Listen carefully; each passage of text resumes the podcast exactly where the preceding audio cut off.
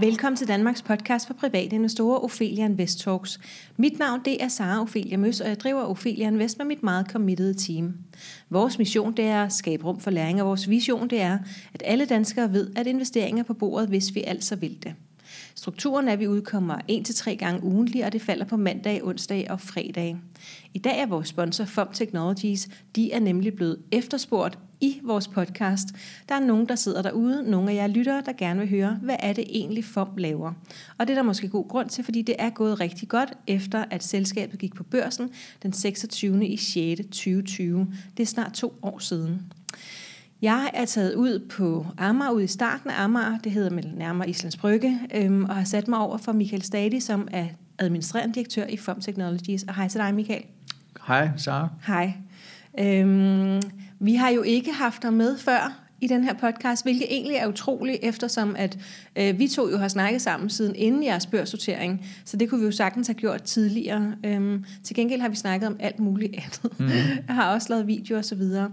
Øhm, til dem, der ikke ved, hvem du er, øhm, kan du så ikke lige starte med at sætte det på ord på dig selv og din baggrund? Jo, naturligvis. Jamen, jeg hedder Michael Stadi, øh, som du har nævnt. Øh, jeg har en baggrund fra den finansielle industri, hvor jeg har været halvdelen af min karriere. København og London og Stockholm.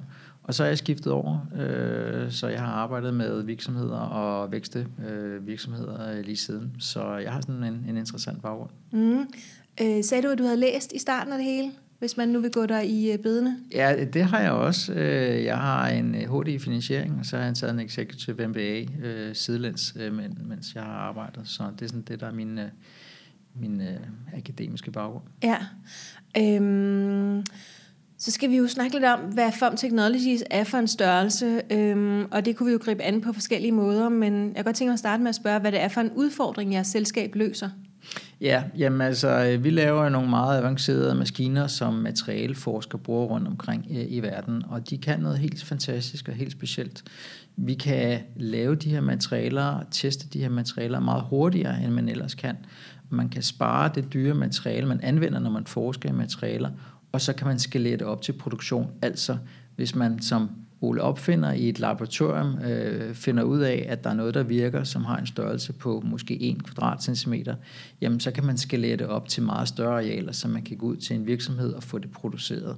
Og det der er rigtig mange, som øh, er interesseret i, at når man opfinder ting, at man rent faktisk også kan bruge det kommercielt i virksomheder. Så det er det, vi, øh, vi tilbyder folk. Og, og materialeforsker, kan, kan du brede den en lille smule mere ud, fordi at, at jeg er, og det er jo måske øh, indrømme, at selv her efter flere år, og jeg har jo fulgt jer øh, ret tæt, kan man sige, øh, jeg er stadigvæk lidt i tvivl ikke, om, mm. hvad det mhm. egentlig er, så jeg tænker, hvis man slet ikke ved noget, øh, så, så hvad laver en materialeforsker? Jamen, det er et rigtig godt spørgsmål, og det er ikke nogen skam. Øh, okay, Man skal tak. nærmest være øh, ingeniør eller Ph.D. i materialeforskning for sådan helt præcist at vide, hvad det er, vi laver.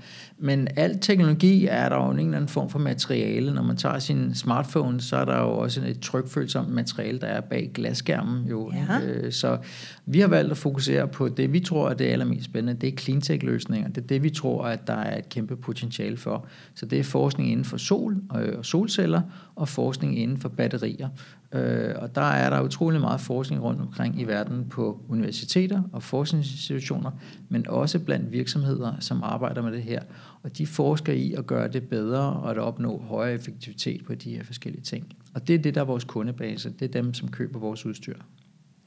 Øhm, og de materialer, som de så forsker i, kunne det så være sådan noget, et eller andet, øh, noget nyt solcelle, altså det man, det man beklæder metallet med på solcelleparker. Ja. Er det materialer? Jamen, jeg kan tage et meget uh, konkret ja, eksempel. Uh, I øjeblikket, så kender vi alle sammen et solpanel. Man kan sætte det op på sit tag, og så skinner solen på det, og så skaber det strøm i solcellepanel.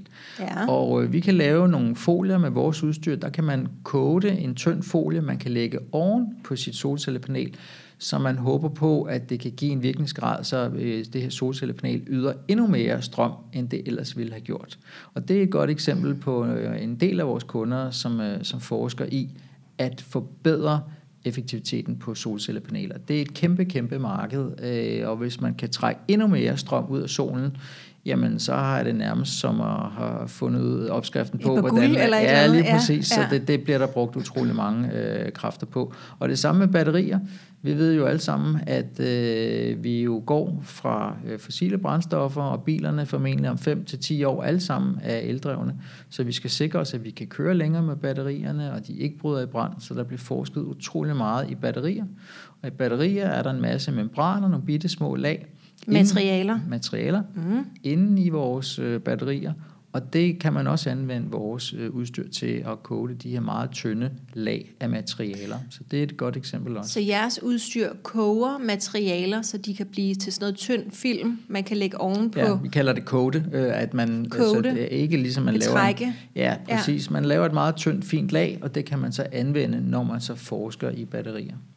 Eller øh, sol. Eller solceller. Øh, ja. ja, ja. Okay. Der, nu tror jeg faktisk, jeg forstod det. Mm. Ja. Det ville jeg ønske, jeg havde spurgt mere ind Mm, til jamen. tidligere. ja. Men Ja. det er komplekst, øh, og sådan er Ja, det også jo fordi med... I jo er en teknologivirksomhed, ikke? Altså, Jo. og, så... Ja, okay. Så, så ja, det, jeg hørte, du sagde før, det var, at I koger noget, men det gør I jo ikke. Nej, nej, nej, I det gør koder, vi. I Koder, betrækker ja, vi noget. betrækker, jeg troede, vi I laver- kogte Ja, et eller andet nej, tyndt lag. Nej, vi koder. Okay, mm. og hvor kommer det her tynde materiale fra? Det kommer så fra forskerne. Ja, det, det, de har opfundet nogle formler, øh, ligesom sådan professor Balthasar i gamle dage, kemikere, der står i laboratorium, øh, og så opfinder de nogle materialer. Og det vores maskiner kan, som er ret unikt, det er, at man kan lave nogle meget, meget tynde, fine lag, som er ens i sin bredde og sin tykkelse hele tiden, og man kan repetere det 100 gange eller 1000 gange. Man får det samme hver gang, hele tiden. Og så kan de så øh, lave en øh, kodning af et stof, som de har forsket i, og så kan de tage og brygge et nyt øh, stof, som Og de putte så ind kan i kode, maskinen, og og så ind kan i de- maskinen, ja. og så kan man kode det, og dem og kan du maskinerne lave kan lave små ting, og de kan lave store ting. Ja, du kan lave ned til en millimeters bredde og op til en halv meters øh, bredde, og så kan du køre endeløse baner. Øh, det er sådan set det, som vores maskiner kan. Okay. Okay, meget småt og meget, eh, vel ikke meget, meget stort. Du siger en halv meter i bredde, så må man lave mange baner, hvis man skal bruge noget bredere. Ja, men typisk så er det i sådan det, vi kalder scale-ups. Altså det er stadigvæk laboratorieniveauer, det er ah. stadigvæk der, hvor man prøver tingene af, og prøver, at det virker, og derefter kan man så ligesom skalere det op til produktionsform. Ja, til fordi så skulle man måske have, du ved, maskiner, der kan lave noget på Ja, 10 meter bredde, præcis. eller 20 meter bredde. Præcis. Ja, okay. Øh, det typisk, er next step. Det er næste step. Okay. Øh, og det er sådan der, hvor man tror, vi kommer i, i fremtiden. Vi ser en, en klar interesse i, at man laver større og større arealer, mm. Og man kan lave det hurtigere og hurtigere, fordi at hvis det på et tidspunkt bliver kommersielle produkter, man skal bruge, jamen så er det klart, så skal man kunne køre det ud i massevis. Det, Ja. er sådan det, der er målet. Og fra da I startede og frem til nu, øh, fortsætter I hele tiden øh, udviklingen på de her maskiner? Forestiller jeg mig? Ja. Hver evig eneste dag og hver evig eneste uge, så bruger vi en del af vores omsætning, en del af vores øh, kapital på at udvikle fremtidens maskiner, fordi vi ser en stor efterspørgsel efter det. Så vi bruger sidste år, der brugte vi øh, en 4-5 procent øh, af vores omsætning på innovation af nye maskiner, større maskiner. Og nu siger du omsætning, så det er ikke bundlinjen, det er jeres omsætning, det er det store tal. Ja, Ja. det er det. Så okay, det, det var, uden lige at vide, hvor stort det Ja, tal var. vi brugte over en million kroner på nye maskiner, Ja. øh, og, og også lønomkostninger til folk, der kommer ind på at udvikle og udvikle og udvikle. Øhm, og så måske, og det kan også være, det er et dumt spørgsmål, det ved jeg ikke, men, men hvis I laver maskiner, vil, det så, vil I så ikke være en industrivirksomhed? Jo, men jeg betragter os også som en industrivirksomhed, okay. ikke? fordi det er både til industrien og akademiske kunder. Vi er en højteknologisk industrivirksomhed, Okay. øh, så det er sådan set ikke en betegnelse, som vi ikke anvender. Nej, det, okay. det, det kan man også sagtens Okay, sige. okay. Højteknologisk industrivirksomhed. Mm. Ja, men er det vel egentlig også øh, meget sådan dansk ånd, er det ikke? Altså, at der, vi har lavet noget industri og været gode til det, og nu putter vi så tech ned over det, og... Jo, øhm, jeg tror jo på, at det er jo det, vi skal leve af i Danmark. Vi er et videnssamfund. Øh, Det er ikke super lav øh, arbejdskraft, som man kan finde i Fjernøsten eller andre. At Vi har rigtig, rigtig dygtige, begavede folk, øh, som laver højteknologiske ting. Og jeg tror, det er det, som Danmark skal fokusere på i, i fremtiden. Det er højteknologi inden for de udfordringer, som, øh, som verden står for. Vi tror på, at det er klimaet, som er en Mm, af tingene, ja. og det er det, der har vores fokus. Vi tror, at vi kommer til at opleve høje vækstrater i det område de næste mange årtier. Og kan du prøve, øh, apropos det, at give os sådan et overblik over de vigtigste produkter, som I har? Fordi jeg tænker, hvis der nu kommer nogen og gerne vil udvikle et eller andet, som ikke er til solcelle, vind et eller andet, må de så ikke få en maskine? Altså prøv, prøv at sige lidt om, om, hvad er det sådan helt lavpræg, hvad er det, man kan købe hos jer? Ja. Jamen, man kan sammenligne det lidt med det, der er blevet populært her de sidste øh, par øh, år, sådan en 3D-printer. Man kan sammenligne vores udstyr lidt som en 3D-printer. Ja. Vi tilbyder en maskine, og der kan man kode alt, hvad man har lyst til at kode på den. Vi blander os ikke i, hvad det er kode. for nogle... Jeg skal hele tiden, øh, fordi det lyder meget ligesom koge. Ja, vi kan ja, også betrække. sige printe. Ja, printe, øh, printe. printe. Lad os sige ikke? det her. Øh, når man printer på et stykke papir, så rammer... Øh, øh, blækket jo papiret i vores tilfælde, der rammer det øh, blæk, rammer ikke underlaget, det kommer sådan en tynd film, men det er sådan en anden ting. Men vi kan bare sige printe. Ja. Øh, så har jeg der en maskine, og så kan man printe de øh, former for materialer, man gerne vil, vil printe. Og vi blander sådan set ikke i, hvad det er, man prøver med. Vi har bare et strategisk forretningsfokus, hvor vi henvender os primært til folk, der printer solceller og mm. printer til nye batterier. Fordi så de kunder, I selv opsøger? Ja, ja. præcis. Kommer der andre kunder, så vil vi jo hjertens gerne sælge til dem også. Øh, men dem, man er vel forretningsmand, ikke? Man er vel forretningsmand, ja. yes. yes. Øh, men det vi har fokus på, øh, som vi selv opsøger, og som vi selv bliver ved, at spørge om, hvordan det går, og hvad kunne være endnu bedre med ja. vores maskiner. Det er de to segmenter, som jeg nævnte her, som vi tror, vi ser det største potentiale inden for. Nej, Nej sol, sol, og, sol batteri. og batterier. Yes, sol og batteri.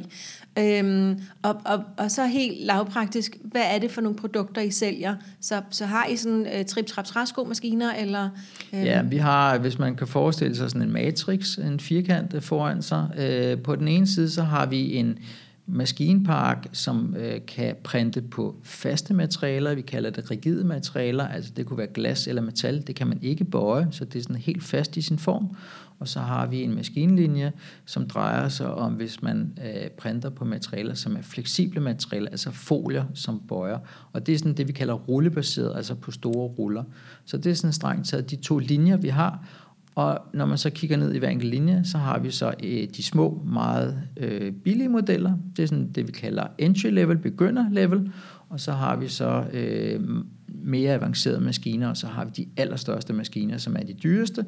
Og hvis man har rigtig mange penge, og man gerne vil prøve at illustrere, at man kan prøve at lave noget, der minder om industribrug, mm. så har vi ligesom sådan begynderniveauet, de mere avancerede maskiner, og så ligesom helt top of line. Det er sådan det, vi har. Så det er trip trap træsko. Begynder og avanceret og... Og ekspert. Eksp- begynder, avanceret og ekspert. Okay. Og, og hvad koster sådan en lille begynder? Jamen, den er dyr jo, øh, men billig sammenlignet med de andre. Den starter for en 100.000 danske kroner. Og, oh, det er okay. Ja. Jeg troede, du ville sige en million. Ja, så vi er stadigvæk... Og så, ja, og så når det begynder at blive avanceret, så ligger vi mellem en halv til en million. Og når vi er oppe på ekspertniveau, jamen, så taler vi en 3-5 millioner. Okay. Det er også nogle penge. Ja, det, det, det for, er nogle penge. Øh, ja. Og er det så en maskine, man køber?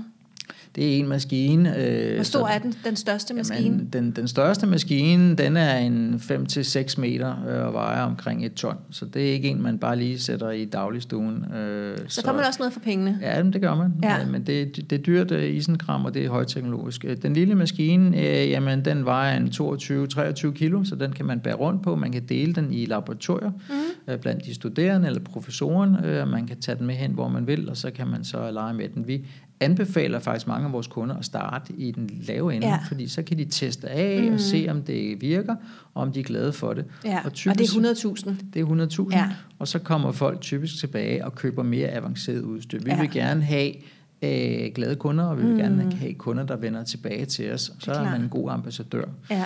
Så det er jo ligesom mange andre ting. Man går heller ikke nødvendigvis, når man lige har fået kørekort, så går man nok heller ikke ned og køber den dyreste Ferrari, man overhovedet kan få. Så vil man nok starte med en lille bil. Hvor det ikke gør så ondt, når den får Hvor det ikke gør så ondt, ja. den får lidt buler, og man kan prøve den af. Og så bliver man sådan lidt mere næste gang, man skal have bil, så skal den måske have plads til en hund og ting og sager. Ikke? Mm. Og så, ja. så, så, så det er sådan den rejse, vi gerne vil tage kunden. Spændende. Mm. Okay, så fra 100.000 til, til 5 millioner, og fra 22 kilo til et ton. Ja. Det er også lidt af et øh, spektrum, I bevæger jer jo, i der. Men sådan er det jo med højt, højt avanceret udstyr, at man ja. kan få det til alle mulige former ja. for, for behov. Og, og hvor bliver det produceret? Fordi nu sidder vi ude på det, der hedder trikota- trikotagefabrikken, mm. eller sådan ja, noget. Ja, vi sidder ja. på Islands Brygge. Ja, lige præcis. Og, og hvor er maskinerne hen? Fordi de er jo ikke her. Nej, det er de ikke. Øh, vi har valgt, at vi skal ikke producere vores maskiner selv. Nej. Øh, vi vil gerne kigge rigtig grundigt på den forretningsmodel, vi har valgt. Så vi har ikke egen produktion, vi har ikke egen fabrik. Det tror vi simpelthen ikke på, at det er det, som vi skal lave. Vi skal udvikle, vi skal lave det her med meget avanceret udstyr, og så har vi fundet de dygtigste underleverandører, som kan lave vores udstyr til os, øh, og som ikke laver andet. Øh, så det er den forretningsmodel, vi har. Vi har også valgt, at det skal være en cirka en times øh, kørsel fra København. Ja, jeg skulle lige så spørge, hvor, hvor er de henne? Og så ja. så jeg Tyskland for mig. Mm. Der kan vi ikke nå hen på en time. Ja. Nej, så det er, det er Danmark, øh, og det er den sydlige del af Sverige. Øh, og så har vi også et øh, stort svensk selskab, øh, som har noget af deres produktion i Polen, men der kan man flyve til. Men det er sådan cirka meget tæt på København. Øh, vi vil gerne have, at det er skandinavisk kvalitet. Øh, det er højteknologisk, vi er ude og kvalitetskontrollere alle vores maskiner, inden vi sender dem, så det skal være tæt på København. Men mm. det er mm. ikke et fint uh, kontorlokale, som vi er her i gammelt uh, parkhus. Uh, så, så det er den forretningsmodel, vi har valgt. Ja, og, øhm, og hvor mange er I så her på, øh, jeg kan vel også sige hovedkvarteret? Mm. Ja. Jamen, vi vokser jo, øh, så øh, da vi gik på børsen, var vi en 10 mennesker, øh, nu er vi 16, og jeg vil tro, at vi er omkring en 20, når vi når til års øh, slutning, så, så vi har fart på. Så, øhm, så efter to og et halvt år på børsen, så har I øh, fordoblet øh, ja. jeres medarbejderstab ja. her på kontoret. Ja. Øh, hvad, hvad med ude øh, der, hvor der bliver produceret? Har I nogen fornemmelse af, hvor mange der laver jeres Nej, ting derude? men jeg ved, de har også ansat øh, adskillige mennesker ja. til, til vores øh, produktion. Ja. Jeg tænker, det må være et ordentligt, et ordentligt lokale, man skal have, hvis man skal producere noget, der vejer et ton. Ja, nå, men det er meget store produktionshaller, øh, og der skal kraner til at løfte ja. de forskellige komponenter rundt. Ja. Så, øh, men man kan sige, at de underleverandører, som vi har valgt, de laver også andre øh, ting end bare lige til os. Vi er jo ligesom en kunde hos dem, og de har så selv andre kunder. Så det er jo det, er jo det de laver, og det er jo det, de er bedst til. Så kommer man ind med de tegninger og siger, vil I producere for os? Øh, og lige præcis, den her teknologi er det kun os, som I må producere for. Så ja. der laver man en forhandlingsaftale en ja. med, med dem. Ikke? Ja, mm. okay. Så øhm, nu, øh, vi har jo faktisk kun været igennem øh, de to første spørgsmål, og jeg har cirka 16 eller sådan noget, ikke? 15, 12, 15 stykker. Men det er fordi, jeg tænker, at det her med sådan virkelig at forstå, hvad det er, I laver, øh, hvem det er, der kan bruge det, sådan noget osv., det tænker jeg, det var lige sindssygt vigtigt, også for mig, at alle kom helt med på den. Øhm, så, så nu kommer vi til at gå en lille smule lettere hen over ja, noget af det næste her. Og bare lige inden vi går videre, ja. kan jeg sige, at vi har lavet en rigtig, rigtig fin pædagogisk animationstegnefilm på ja. to minutter. Ikke? Så øh, den synes Skal vi ikke lige, den, den, den linker vi til, så den, ja, det den, synes den jeg, er der et link den til samme sted, som du har fundet den, her podcast. præcis lavet, fordi det er svært, det er komplekst, øh, og ja. derfor har vi lavet sådan en animations... Jamen, jeg synes, du har forklaret det fantastisk her. Ja. Altså, så det tog kun en kvarter, trods alt at forklare os noget, som er... Du sagde lige, man skulle være ingeniør for at forstå det rigtigt. Mm. Og vi forstår det lidt nu. Ja. Øhm, så øh, mange investorer øh, for at vide, at, at vi skal kigge på ledelsen, mm. når vi skal vælge enkelte aktier. Ikke? Ja. Har I de rigtige kompetencer i ledelsen og bestyrelsen? Har I det lige nu? Jamen, jeg grinede jo lidt eller smilede, da, du, da jeg så, at det her det kunne være et potentielt spørgsmål, fordi du, det er nok det sjældent, at du sidder og siger folk, det har vi ikke. Nå, øh, man kunne jo godt vide, at man altså, manglede noget, øh, når man nu er en, en vækstvirksomhed. Det er rigtigt. Jo, jo, det er klart. Øh, men grundlæggende, der synes vi, at øh, vi har det, der skal til. Altså, vi har gjort meget ud af at sammensætte det team, som vi har. Vi synes, vi har nogle rigtig dygtige folk, og der er ikke nogen områder, som vi ligesom er svage på. Så vi øh, synes, vi er rigtig godt med hele vejen rundt. Jeg får jo jeres nyhedsbrevs øh, mails eller selskabsmeddelelser. Jeg får en masse mails, mm. hvor der står for øhm, og øh, så, så det er min forståelse, at I har skiftet lidt ud i bestyrelsen de sidste par år. Ja. Og det er jo sådan noget, altså, så tænker jeg, der er det her spørgsmål jo oplagt, mm. at øh, hvorfor har der været behov for at skifte ud i bestyrelsen på så relativt set kort tid? Mm. Jamen det er, har der været en uh, grund til, at vi har valgt at betragte vores bestyrelsesarbejde på en lidt ny måde, end mange andre uh, selskaber ja. gør. Uh, vi har vurderet, hvad der var de uh, absolut vigtigste områder i vores uh, drift, uh, og så har vi valgt en profil til hver enkelt område, så det er ikke øh, tre eller fire generalister, der sidder der, det er hardcore specialister med fokus på hver enkelt deres område, og de har så opgave at lige præcis den del, der skal udstikkes en strategi, og der skal øh, leveres nogle resultater. Så på den måde er det nogle langt mere dynamiske bestyrelsesmøder, Øh, og det er den model, som vi kører, og det virker utrolig godt. Øh, ja, og meget vil du afsløre, hvad det er for nogle områder, det er? Ja, men der er et uh, kapitalspørgsmål uh, omkring hele kapitalstrukturen. Mm. Det er vigtigt, når man er børsnoteret selskab. Så er det salg, som er et meget stort område. Ja. Øh, så har vi uh, det, der hedder PR-marketing og ESG. Det tror vi specielt på, at bliver et meget stort fokusområde for alle børsnoterede selskaber. Og til dem, der ikke lige kan huske, hvad ESG står for? Jamen det er uh, environmental sustainability og governance. Det er sådan ligesom de uh, sådan kerneord, som man skal forholde sig til, hvis man er børsnoteret ja. selskab. Uh, på de meget store selskaber, C25 og C20-selskaberne, jamen der er allerede regler for det nu, men det kommer til at defilere ned i alle mindre ja. selskaber, der er børsnoteret. Uh, og vi vil gerne være first mover som et lille selskab, og derfor har vi udvalgt en kompetence, som er rigtig skrab til den del. Og så har vi det sidste område, som er meget omkring den her akademiske vinkel og læring generelt. Øh, så det er de fire kerneområder, som vi har, fokus på. Okay, spændende. Øhm, tjener I penge nu, eller bruger I mere, end I får ind? Mm. Jamen, vi har været fantastisk stolte og glade over, at vi øh, kom ud af vores 2021-regnskab øh, med positive tal på bundlinjen. Øh, Øh, vi tror på, at øh, det er utrolig vigtigt, at du som virksomhed kan være værdiskabende øh, på den lange bane. Så et fantastisk regnskab kom vi med. Øh, vi øh, øgede vores øh, omsætning øh, mere end øh, tre gange i forhold til sidste år. Og så har vi øh, sorte tal på bundlinjen. Så øh, det er vi meget stolte og glade over. Så det gør vi. Øhm, og nu siger du øh, positivt tal på bundlinjen. Det kunne i princippet være 10 kroner. Mm. Vil du fortælle, hvor meget det er? Ja, ja det, det, det er jo helt øh, offentligt. offentligt. Det kan man jo gå ind og kigge. Øh, vi landede på 24,3 øh, millioner i omsætning og 1,6 millioner på bundlinjen. Så det er vel ret meget af det. Jeg tænker, det er jo så en fjerdedel. Ja, øh, hvad hedder det? 24,3 og så 1,6 øh, Nå, 1,6. Jeg troede, ja. det var 6. Ja, nej. Okay, 1,6, så, ja. så er det lidt mindre. 1,6, ja.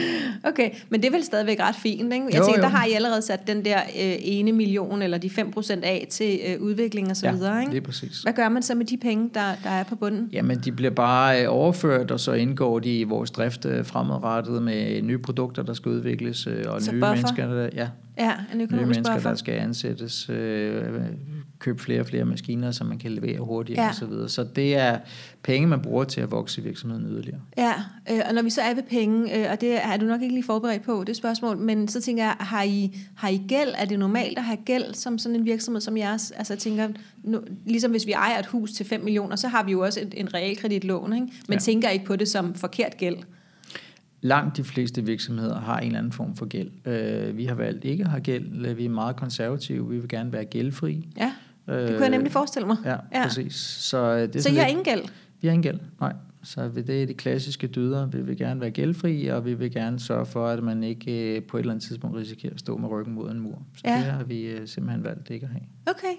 Øh, nu, jeg er sociolog og ved ikke særlig meget om regnskaber, men udenbart tænker jeg, at det må være positivt ikke at have nogen gæld, og så have et overskud på 1,6 millioner, øh, når man har betalt alle sine regninger, og alle har fået løn osv. Ja. Det er rigtig flot. Godt, men så tillykke med det. Mm, tak for det. Øh, og jeg ved ikke, om det betyder noget, når det bare kommer fra mig. Øh, nu, vi har jo snakket lidt om, øh, om, om sådan marked, kunde, sådan, men, men prøv at sige en lille smule mere om det. Øh, hvem er det, jeres kunder er?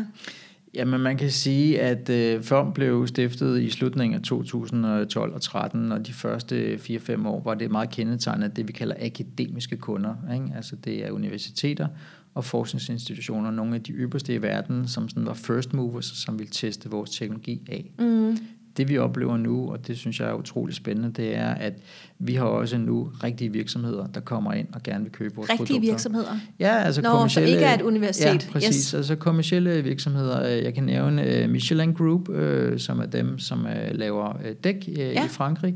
Øh, nogle kender dem måske som uh, Michelin-stjerner og så videre, men det er ja. en, en mindre... Ja, ja, Michelin-manden, ikke? Ja, præcis. Ja. Uh, Xerox, uh, som er et af de største selskaber, som har opfundet kopimaskinen og ja. laserprinterne og ja. dem, de har også lige købt en stor maskine, som de vil anvende i deres forskningsdel. Uh, og det er jo kæmpe store virksomheder, øh, som er meget interesserede i vores teknologi og, og vil begynde at forske og lege med det. Og det synes jeg er rigtig spændende, fordi at virksomheder de gør det jo fordi, at de gerne vil investere i, at der skal komme et produkt ud, du i sidste ende kan udvikle noget med.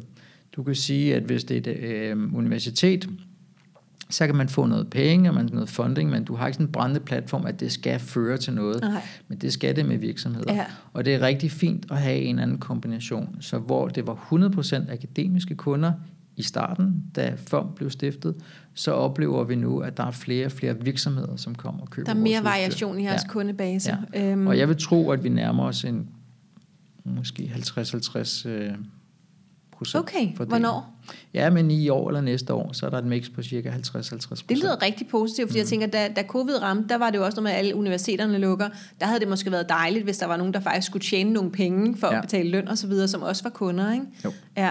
Øhm, jeg tænker, at folk også gerne lige vil høre, hvordan ser konkurrencesituationen ud? Er det kun jer, der laver det her, eller er der masser af andre, der gør det? Mm. Nej, der er ikke masser af andre. Der er nogle enkelte andre globalt, som minder lidt om det, vi laver, men ikke sådan en fuldstændig kopi af det, vi laver. Vi vil gerne skille os lidt ud. Vi vil gerne kigge på de lidt mindre maskiner til forskningsdelen, hvad enten det er akademiske kunder eller virksomhedskunder. Mm. Og det er rigtig fint, at der er flere, fordi det er et nyt område. Det er en meget umoden øh, markedssegment, øh, men vi kan se en kraftig, kraftig vækst. Og det er fint, at der er flere virksomheder, fordi så er der flere, der er ude med den her teknologi. Mm. Så det har vi det rigtig fint med. Ja, og så er der flere, der efterspørger det. Lige præcis. Yes. Ja. Okay. Vi kan ikke drive det alene som Nej, lille nej. dansker. Er der Nej. flere, så vil vi gerne vokse i samme takt med markedet, eller bedre end markedet. Hvad, øh, hvor, stor, hvor, stort er, øh, hvor stort er potentialet? Jamen, vi synes, det er jo rigtig stort, øh, og synes jo, at det er en fantastisk spændende virksomhed og teknologi, som vi repræsenterer. Ja. Så vi er meget øh, fortrøstningsfulde med fremtiden. Ja. Øh, hvad, hvad ligger der øh, ude i horisonten? Nu, nu siger du, så ligger der sådan 50-50 i forhold til de her kommercielle kunder, akademiske kunder. Øh, hvad, hvad ligger ellers? Øh, I bliver lidt flere ansatte? Ja, jamen, der ligger meget stor potentiale i USA. Øh, Vi har ja. oplevet, at efter at øh, der har været en øh, ny regering, og Trump øh, er glædet lidt i baggrunden nu, så er der meget stor fokus på øh, udvikling og og fokus på, på cleantech generelt, både sol og batterier. Så øh, vi har mange forspørgseler for USA. Der er forskellige konsortier, øh, som vi er blevet en del af, hvor der Hvad skal er et konsortie? Ja, men en sammenslutning af forskellige øh, enheder, som forsker. Øh, Det kan Okay. være universiteter og også kommersielle virksomheder som os, som bliver inviteret ind og sagt, øh, vi vil gerne forske i fremtidens materialer inden for de her områder.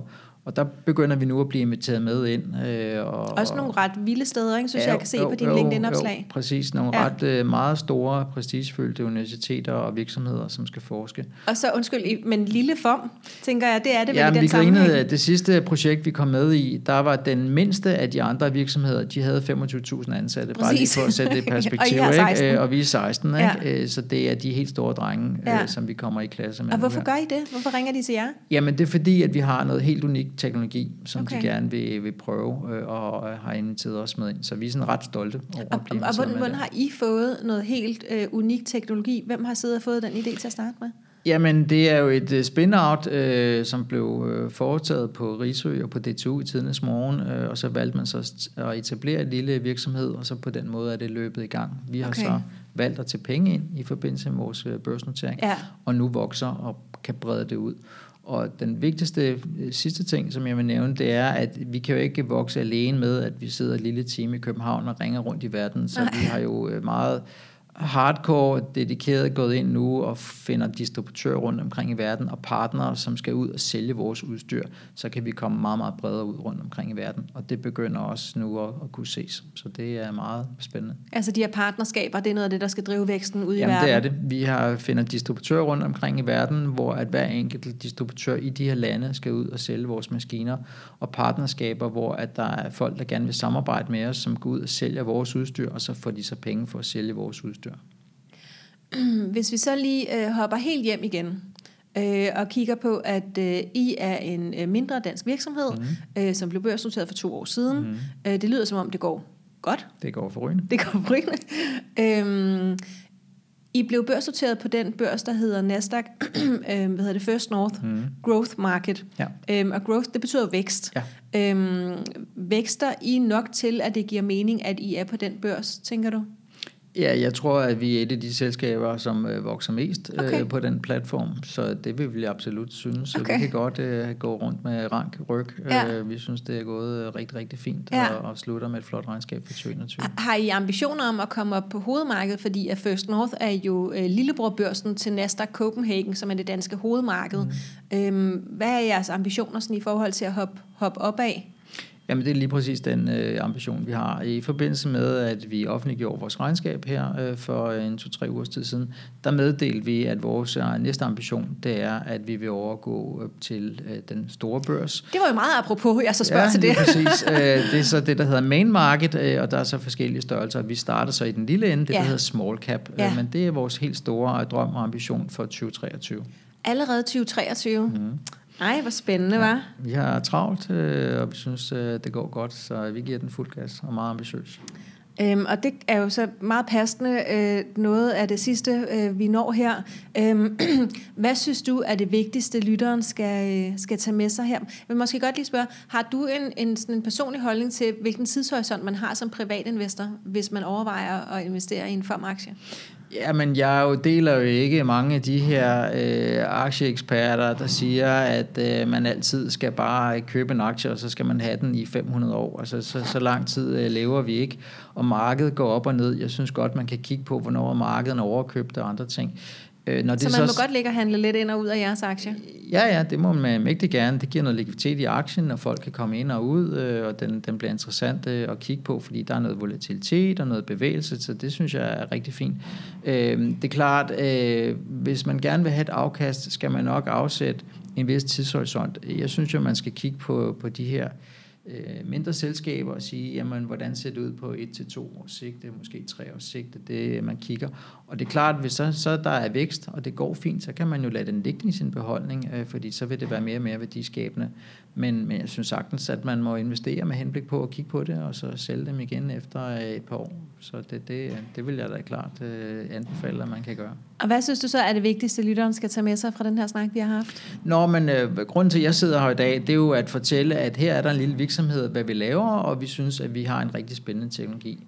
Og hvis man tror på den grønne omstilling, og man tror på, at vi har nogle dygtige danske teknologivirksomheder, og man rent faktisk kan komme ind og købe sig en andel af det ved at blive aktionær, så synes jeg, man skal overveje, øh, om man skal allokere en lille smule af sin portefølje i sådan et selskab som FOM Technologies, hvis det er det, man ønsker. Og så ja. kan man jo ellers øh, følge os på sidelinjen, både i en periode, inden man vælger at investere på de sociale medier. Vi gør rigtig meget ud af at give god information til potentielle investorer eller folk, der er øh, aktionærer i vores selskab via de sociale medier, LinkedIn, Facebook, nyhedsbreve, alting. Vi gør rigtig meget for den her mm. investorinteresse. Ja, og man kan signe op til jeres nyhedsbrev inde på jeres hjemmeside, ja. ikke sandt? Jo. Øh, som er firmtechnologies.com. Yes. Yes, godt.